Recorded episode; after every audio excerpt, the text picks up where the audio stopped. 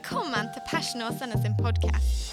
Vi er en ung menighetsplanting i Åsane bydel utenfor Bergen som ønsker å lede mennesker til lidenskapelig tro og overgivelse til Jesus, kirken og hans oppdrag. Takk for at du lytter til vår podkast, og vi håper du blir oppmuntret og utfordret i din etterfølgelse av Jesus. Du, I dag så har jeg gledet meg til å forkynne for dere. Jeg skal ikke røpe hva tekst jeg skal ta. Jeg kan det være noen av dere har dere, Er det en assosiasjon som melder seg? Veldig bra. Er det noen som ikke Nei, bare tuller. Eh, I dag så skal vi snakke ut fra Lukas til tiende kapittelet, og eh, ofte kjent som den var Hun er så giret, vet du. Så du når hun ble bedt for at hun tok etter mikrofonen?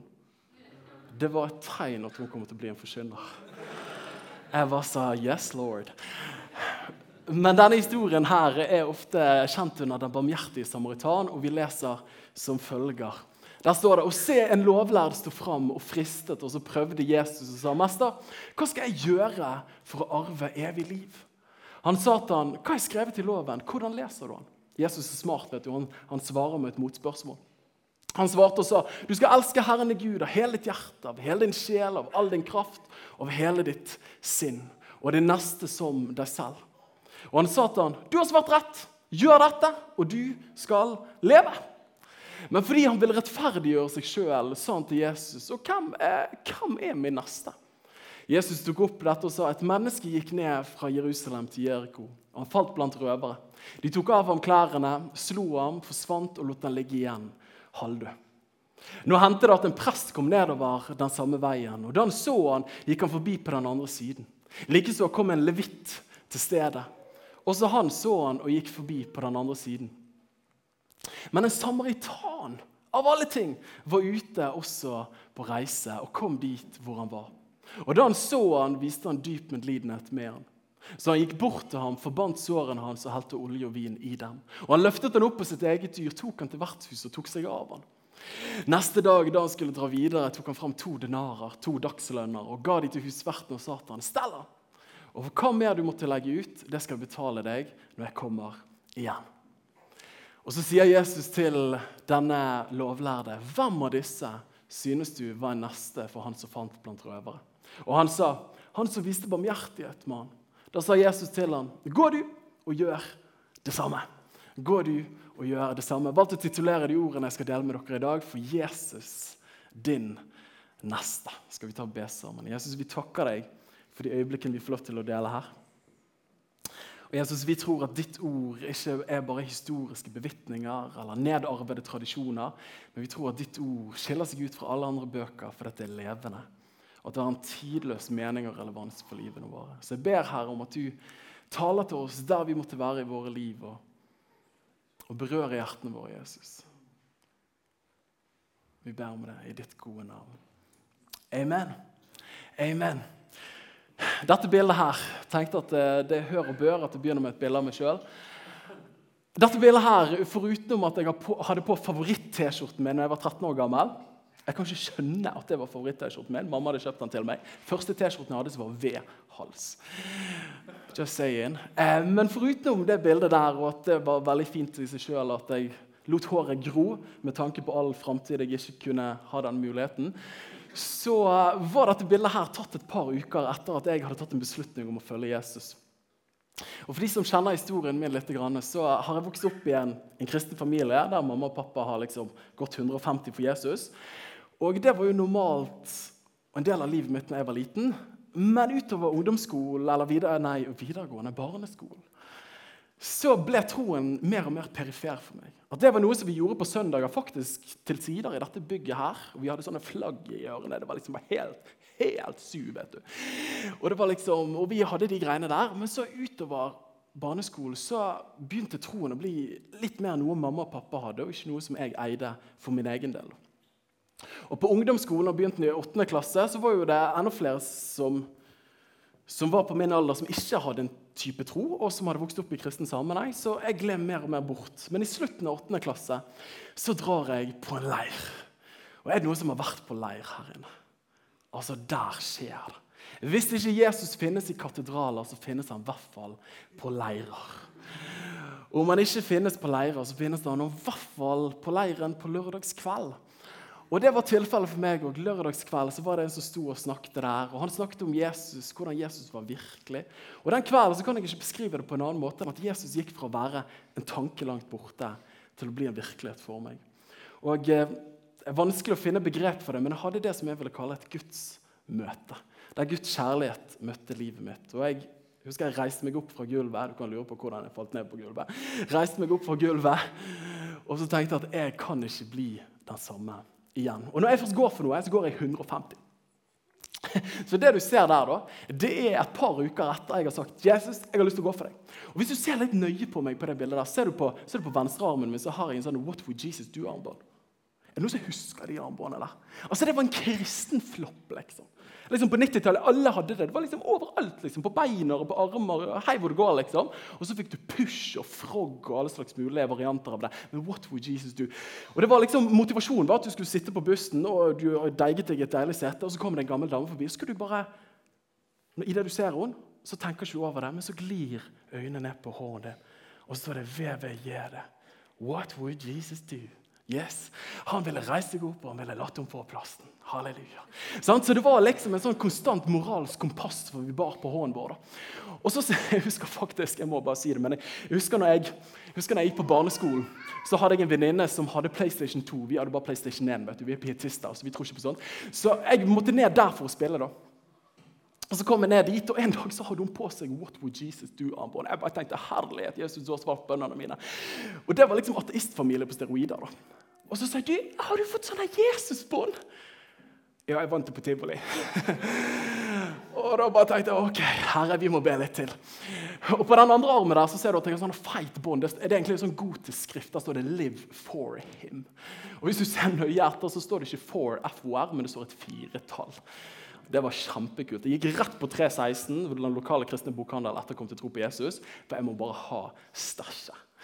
Og hvis du ser midt på der hjertet ligger, så tror du at det er sol som skinner, og det er helt rett, men det skinner på noen nagler. Det er et kors. Du har mest sannsynlig aldri sett et så stort kors utenom kardinaler i den russisk-ortodokse kirken. Men det korset der, jeg tenkte at skal du virkelig gå for Jesus, så hjelper det ikke med så lite barnedåpskors. Det er derfor vi ikke har barnedåp. Eh, så jeg, I got to go big, liksom. Eh, så jeg tok det største korset. Og dette er på en måte bare tidstypisk av hvordan det var for meg på denne alderen. her. Og troen for meg var som en honeymoon til å begynne med. Det var liksom bare helt fantastisk. Jesus han er bare nydelig. liksom. All my desires met in him. liksom. Halleluja. Og så gikk det varme forholdet, som var så utrolig herlig Etter hvert som tiden gikk, så gikk det fra lidenskap for Jesus til mer loviskhet. At det varme gudsbildet ble etter hvert et veldig vanskelig gudsbilde.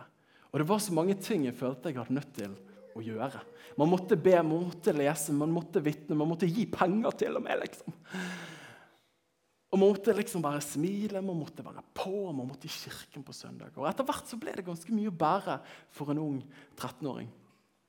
Og jeg tror at min erfaring tror jeg er veldig mange andre sin erfaring. Nemlig det at Gud ofte blir en litt sånn perifer skikkelse. Som er langt der borte, og som egentlig er bare en kronisk dårlig samvittighet. En Gud som forventer så langt mye mer enn det jeg klarer å innfri. At han har forventninger som jeg ikke har forutsetninger for å gi. Og Ofte så blir gudsbildet vårt sånn som dette her. Og nå er jo dette et, et tegneseriebilde av Moses fra Det gamle testamentet, men ofte blir Gud sånn at han er langt der oppe, og han holder alle forventningene. Og hvis ikke du får det til, så smekker det for han liksom. Så blir han sur, og så er det ild, torden og svovel. sant? Nå overdriver jeg litt, men, men undersøkelser viser det at folk ofte ikke vil ha noe med Gud å gjøre. Fordi at man har et bilde av en kald og en kravstor Gud. At han stiller krav som vi ikke har kraft til å imøtekomme. Og så jeg tenkte på den jeg forberedte meg, Vi ender ofte opp med guden av modale hjelpeverb. Husker du hva modale hjelpeverb var? Jeg måtte inn på Wikipedia, for jeg er jo ikke altfor glad i norsk. Men det er jo må, skulle, burde Mamma? Norsklærer, er det greit? Ja. Og Hvis du ikke visste det på nynorsk, så har du lyte og turve i tillegg. Vi vet jo ikke hva det betyr, det får vite himmel, men bare for de som er glad i nynorsk. Og så ender vi opp med en sånn Gud. da. Men det store spørsmålet som jeg har lyst til å reise her i dag, er dette bibelsk Gud. En Gud som krever fullkommenhet før han er fornøyd. En Gud som krever fullkommenhet før han er fornøyd. Og jeg tror at Den teksten vi leste, jeg tror den gir oss noe glimt inn i akkurat det her. Til å begynne med så leser vi i den teksten vi leste om en lovlærd. Og En lovlærd er på mange måter en advokat. På denne tiden i Israel så var den moralske loven så var de fem første bøkene i Mosebøkene det som de ville kalt eh, Hanak, eller noe slikt, hvis jeg husker min eh, Ja, whatever. De ville kalt det sånn i Toraen, de fem første Mosebøkene. Og, men samtidig var de sosiale lovene det var akkurat de samme som de religiøse. Da. At det var, var du en lovlærer, så var du en advokat. Du forsto greiene. Og Det kommer en lovlærer til Jesus, og så stiller han spørsmålet eh, hva, skal, hva skal jeg gjøre for å arve evig liv. Og han Fyren er jo ikke her først og fremst fordi han bare elsker Jesus. Han er liksom What would Jesus-armbånd liksom, før det kom ut på 90-tallet. Men han er der for å sette Jesus på prøve, for han var en ambivalent skikkelse i sin samtid. Og så sier Jesus, og dette er et veldig godt triks til dere som er gift, men hvis de stiller et spørsmål Hva syns du egentlig om at du kommer hjem så seint som det? Så må ikke du begynne å svare. Du må bare stille et spørsmål tilbake. Du, vet du hva, hva syns egentlig du om at jeg kom så seint? Det funker. Og Jesus gjør akkurat det. Han sier hva er skrevet i loven, og hvordan leser du den? Og Det er en egen preken der. Linsen du leser med, vil avgjøre hvor du lander. Men det er en annen ting. Og så sier han, og du må huske at han fyren her, han kunne jo Gamle testamentet utenat. Han hadde pugget det fra han var seks år gammel. Så han liksom, det, dette er katekisme for han, da, konfirmasjonskatekisme. Så han sier jo, nå skal du høre. Du skal elske din Gud av Herren i Gud av hele ditt hjerte, av hele din sjel, av all din kraft, av hele ditt sinn. Og det neste som deg selv. Og han Satan du har svart rett. Jesus bare jackpot, bingo, yatzy. Det var helt korrekt. der, liksom. Gjør dette, og du skal leve. Og så var jo ikke dette som var helt planen. Hadde, hadde jo liksom tenkt å fange Jesus i et eller annet han skulle si som var feil. Så sier jeg, du, hvem, hvem er da min neste? Og Så får vi innledningen til det barmhjertige samaritan, som vi har hørt om så mange av oss. Og Så avslutter Jesus sånn som vi leste i sted, og så sier han, 'Gå du og gjør det samme. Akkurat som svaret på hvordan skal du arve evig liv. Og Når du først leser det ved første øyekast, og dette er en velkjent historie som mennesker som ikke tror så mye, kjenner veldig godt, så tenker man ja, men dette var akkurat det jeg tenkte. Herlig med barnesumming, vet du. Dette var akkurat det jeg tenkte. Dette er en Gud som stiller krav som jeg bare ikke har sjanse til å imøtekomme. At hvordan skal jeg få evig liv? Jo, at jeg skal elske Herren min Gud av hele mitt hjerte, av hele min sjel, av hele sparekontoen, pensjonspoengene. Og at jeg skal elske Han hele tiden. Og så skal jeg elske min neste som meg sjøl. Betyr det at jeg ikke kan ta den siste, siste kjøttbiten i gryten når det er egentlig noen andre som er mer sulten, men jeg har så utrolig lyst på den? Eller bestille den charterturen når du egentlig kunne gitt pengene til noen andre?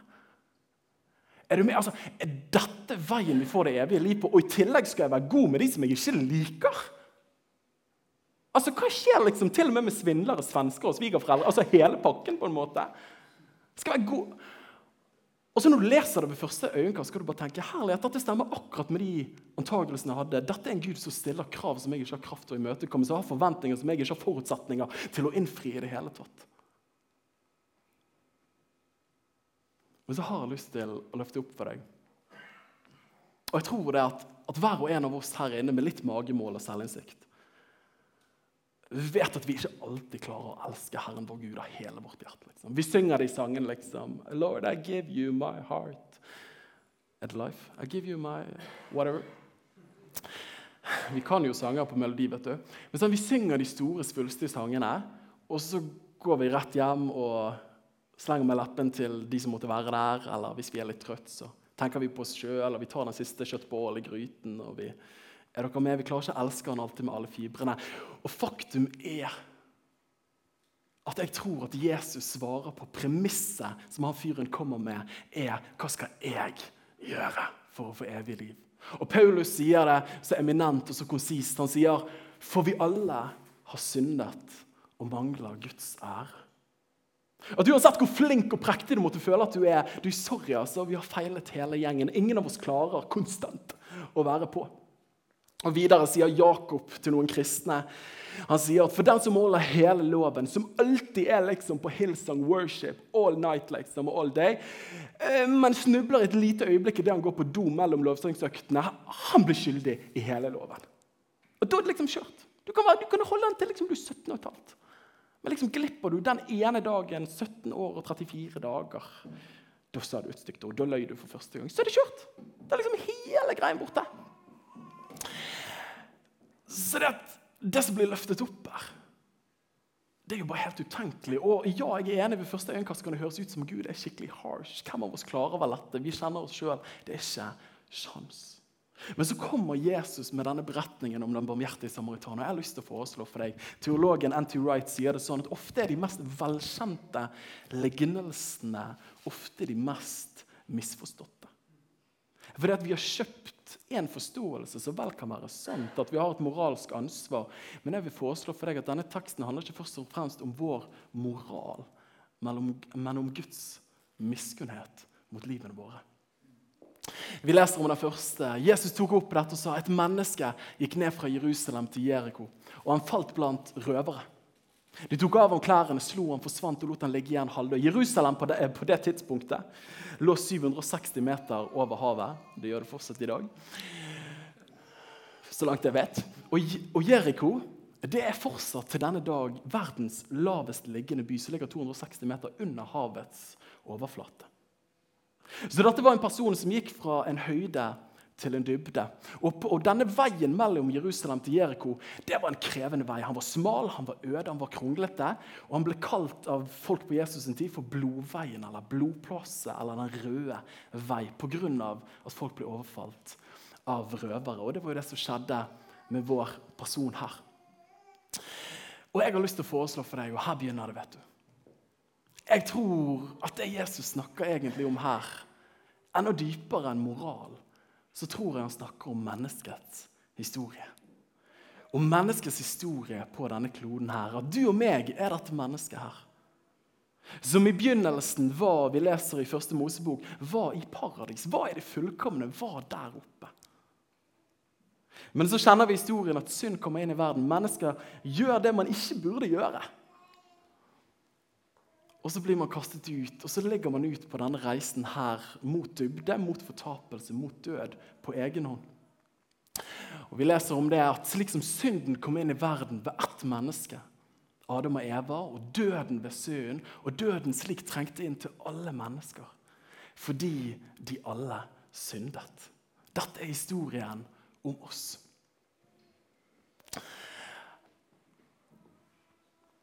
Og det som skjer også her, det er at han fyren blir liggende igjen halvdød.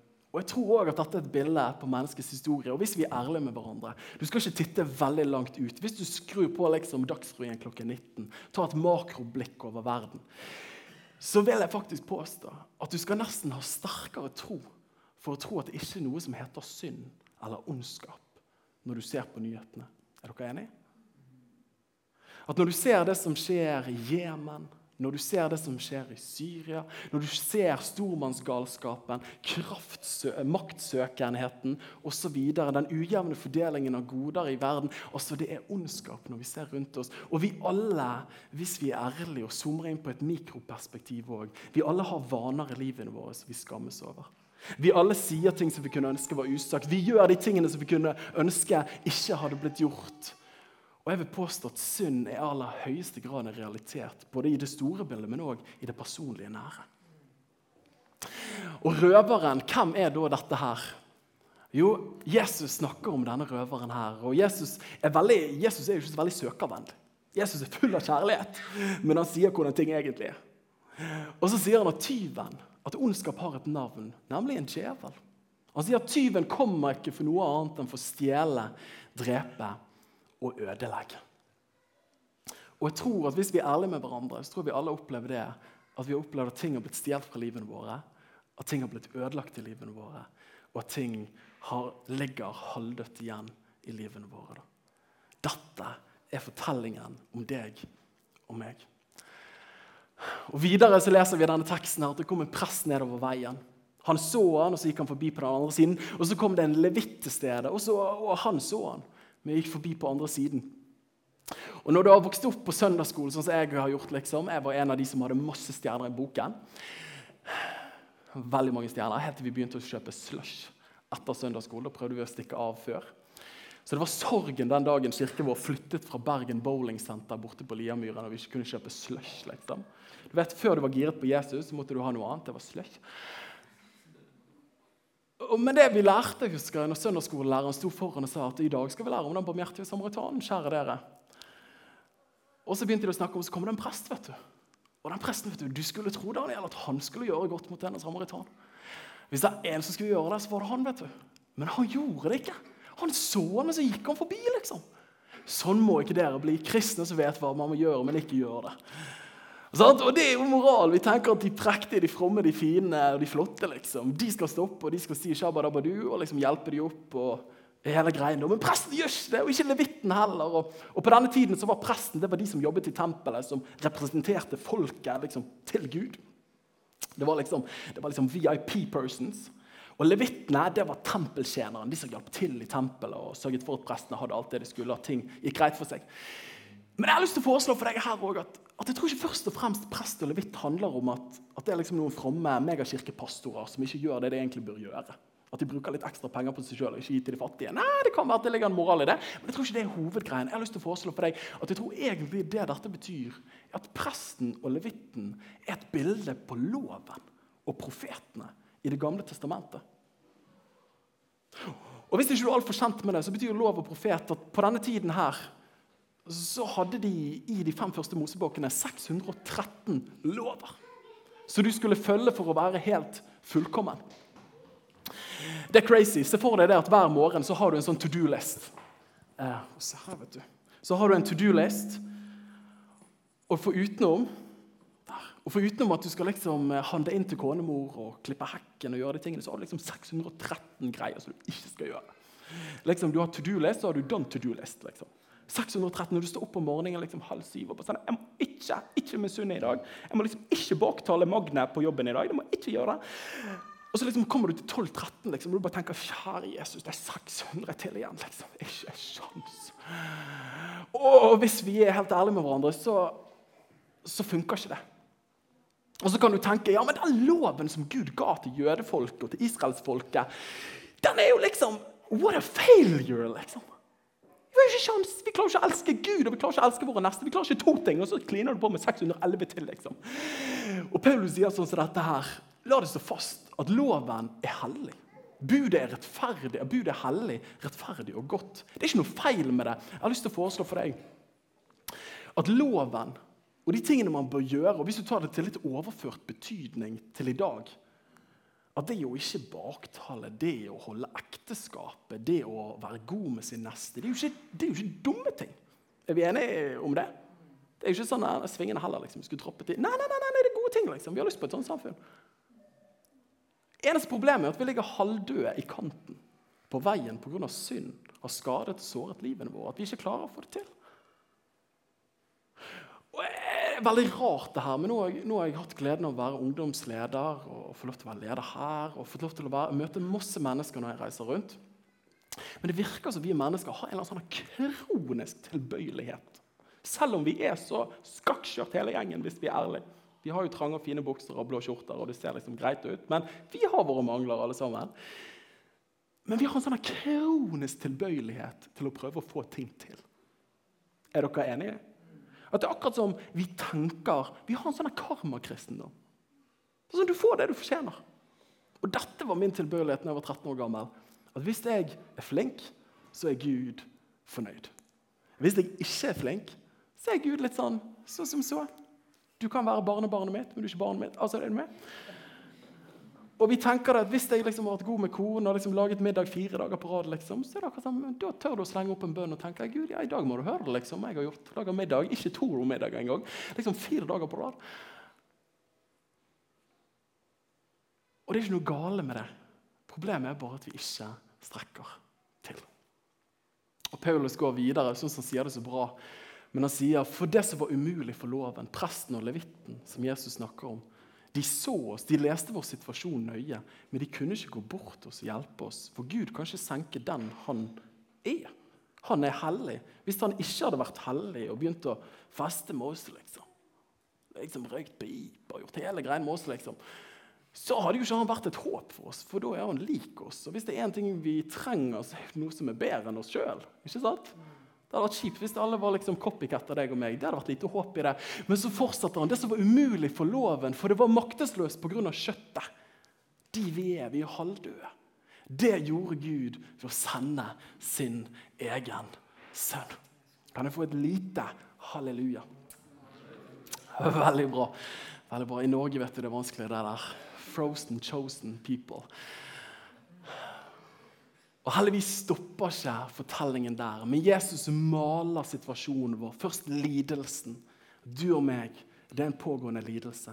Så kommer loven inn og egentlig bare bevisstgjør han oss enda mer på hvor fortapt vi er. Men så stopper ikke der. Men Gud sender sin egen sønn, livgiveren. Og Der står det om en samaritan. Og det kan være at du tenker eh, aldri liksom fått med meg at Jesus var en samaritan. Og det er helt rett. Han var en jøde. Men i Jesus sin samtid så var han en kontroversiell person. Og folk sa sier ikke vi med rett at du er en samaritan. Det var et skjellsord. Du er en samaritan, du er en svenske, og du er besatt av en demon. Jeg har lyst til å foreslå for deg at Jesus er denne samaritanen her. Og Han var ikke besatt av demoner, tvert imot. Han var besatt av kjærlighet til en falskapning som lå halvdøv i grøften, og som ikke hadde sjans til å reise seg opp sjøl. Og så står det så vakkert, Vær med meg nå når du ser på teksten her. Prøv å leve deg inn i fortellingen her. Men Jesus er ute på reise i verden. For så høyt har Gud elsket at han sendte sin. Jesus er på reise i verden, og han kom dit du og meg var. Og da Jesus så han, jeg elsker det, loven òg så oss, leste vår situasjon, men Gud ser ditt og mitt liv. Og Ikke nok med at han ser det og sier 'stakkars deg', men han viser dyp medlidenhet. Gud har den største lidenskap og medynk for de tingene som du og meg måtte gjennomgå i livene våre. Jeg tror ikke at vi har en Gud som er langt unna, men vi har en Gud som er nær ved, og som bryr seg. Så utrolig. Han viste dyp medlidenhet med han, og Guds medlidenhet leder alltid til mirakler. Så han går bort til han, forbinder sårene hans og heller olje og vin i dem. Dette er det Jesus ønsker å gjøre med oss. Å komme bort til oss. Og når vi ikke klarer å reise oss sjøl, så reiser han oss opp. Og så står det at han løftet han opp på sitt eget dyr. Det kan være at det er en litt sånn spenstig tolkning, men er dere klar for det? Jesus i Lukas 22, når han innstifter nattværen, så knekker han det brødet og sier han, 'Dette er min kropp, som gis for dere'. Og jeg tror at det dyret her og dette eselet det dyret her, er et bilde på at Jesus legger ned sitt liv, sånn at vi kan ligge oppå og det og få et nytt liv. Og Så tar han oss med til vertshuset, og så tok han seg av oss der. Og Vertshuset er et bilde på kirken. Og det jeg har bare lyst til å si at, at jeg tror en av de store sorgene og Grunnen til at folk ikke har lyst til å ha noe med Jesus å gjøre, er ofte ikke pga. at folk har en forbi mot Jesus, men de har en forbi mot Kirken. For jeg tror av og til at Kirken altfor ofte har blitt som denne presten og denne levitten, som ser så from og fin og flott ut, og går der og, og sier at det du gjør der, er feil, og du røyker og du snuser, og du ser på nettsider som du ikke bør se på. liksom. Og så peker vi finger, og folk bare tenker hvis guden deres er sånn som de, så har ikke jeg så lyst til å ha så mye med han å gjøre. Og så trekker de seg unna.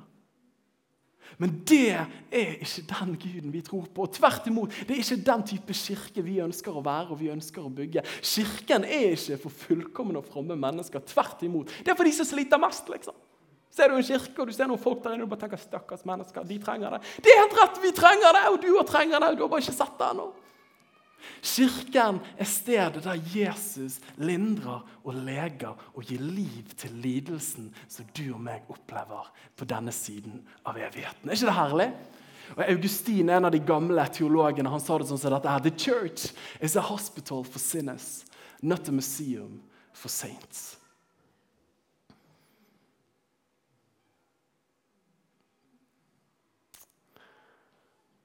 Og så sier Jesus Og det er som det skjærer gjennom 2000 år med tid. Og så sier han til husverten, til oss som er pastorer, til ledere og til oss som er en del av kirken. Og så sier han, 'Stell ham'. Måtte ikke vi glemme hva Jesus har gjort for oss i vår lidelse og gitt oss liv. Men vi kalles òg til å være med og stelle de mange.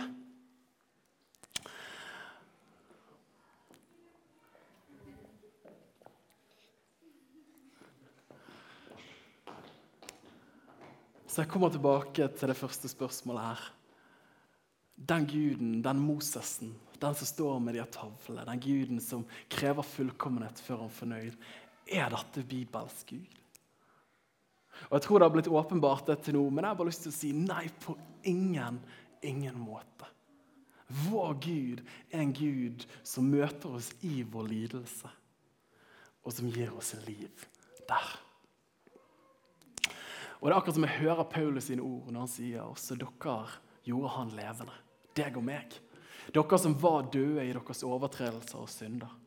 Men Gud er rik på miskunn. Ikke det herlig av og til når Gud bare bøtter historien din? But God, men Gud. Og Vi trenger noen sånne av og til. At livet har gått skakk. Men så trenger du de greiene der det bare Men Gud grep inn. Jeg hadde ikke peiling på hva jeg skulle gjøre, men så kom bønnesvaret. Jeg hadde ikke peiling på hvordan jeg skulle gjenopprette denne relasjonen, men så kom Gud inn. Er dere med? Vi trenger noen but God, vi trenger noen men Gud. Men Gud er rik på miskunn, og på grunn av sin store kjærlighet, som han elsket oss med, gjorde han oss levende når vi lå halvdøde i veikanten. Av nåde, ufortjent, har du og meg fått komme hjem. Og enda mer, kanskje enda mer kjent vers for flere. For så høyt har Gud elsket verden. Krever Gud fullkommenhet før han er fornøyd? Nei, nei, nei. nei, nei. For så høyt har han elsket oss at han ga sin egen sønn. Når vi lå halvdøde, så kom den utenkelige frelseren, samaritaneren. For at hver den som tror på han ikke skal gå fortapt. Ikke skal falle til Jeriko, ikke forsvinne hen i evigheten, men få et evig liv.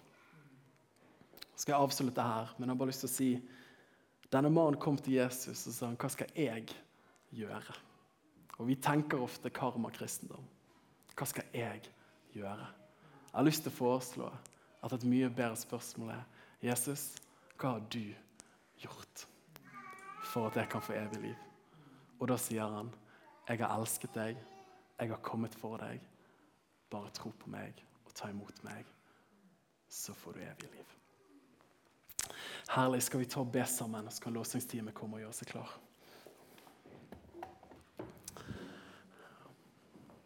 Jesus, vi takker deg for at du er vår virkelige neste. Herre, der vi ikke når opp, så når din store nåde ned. Herre.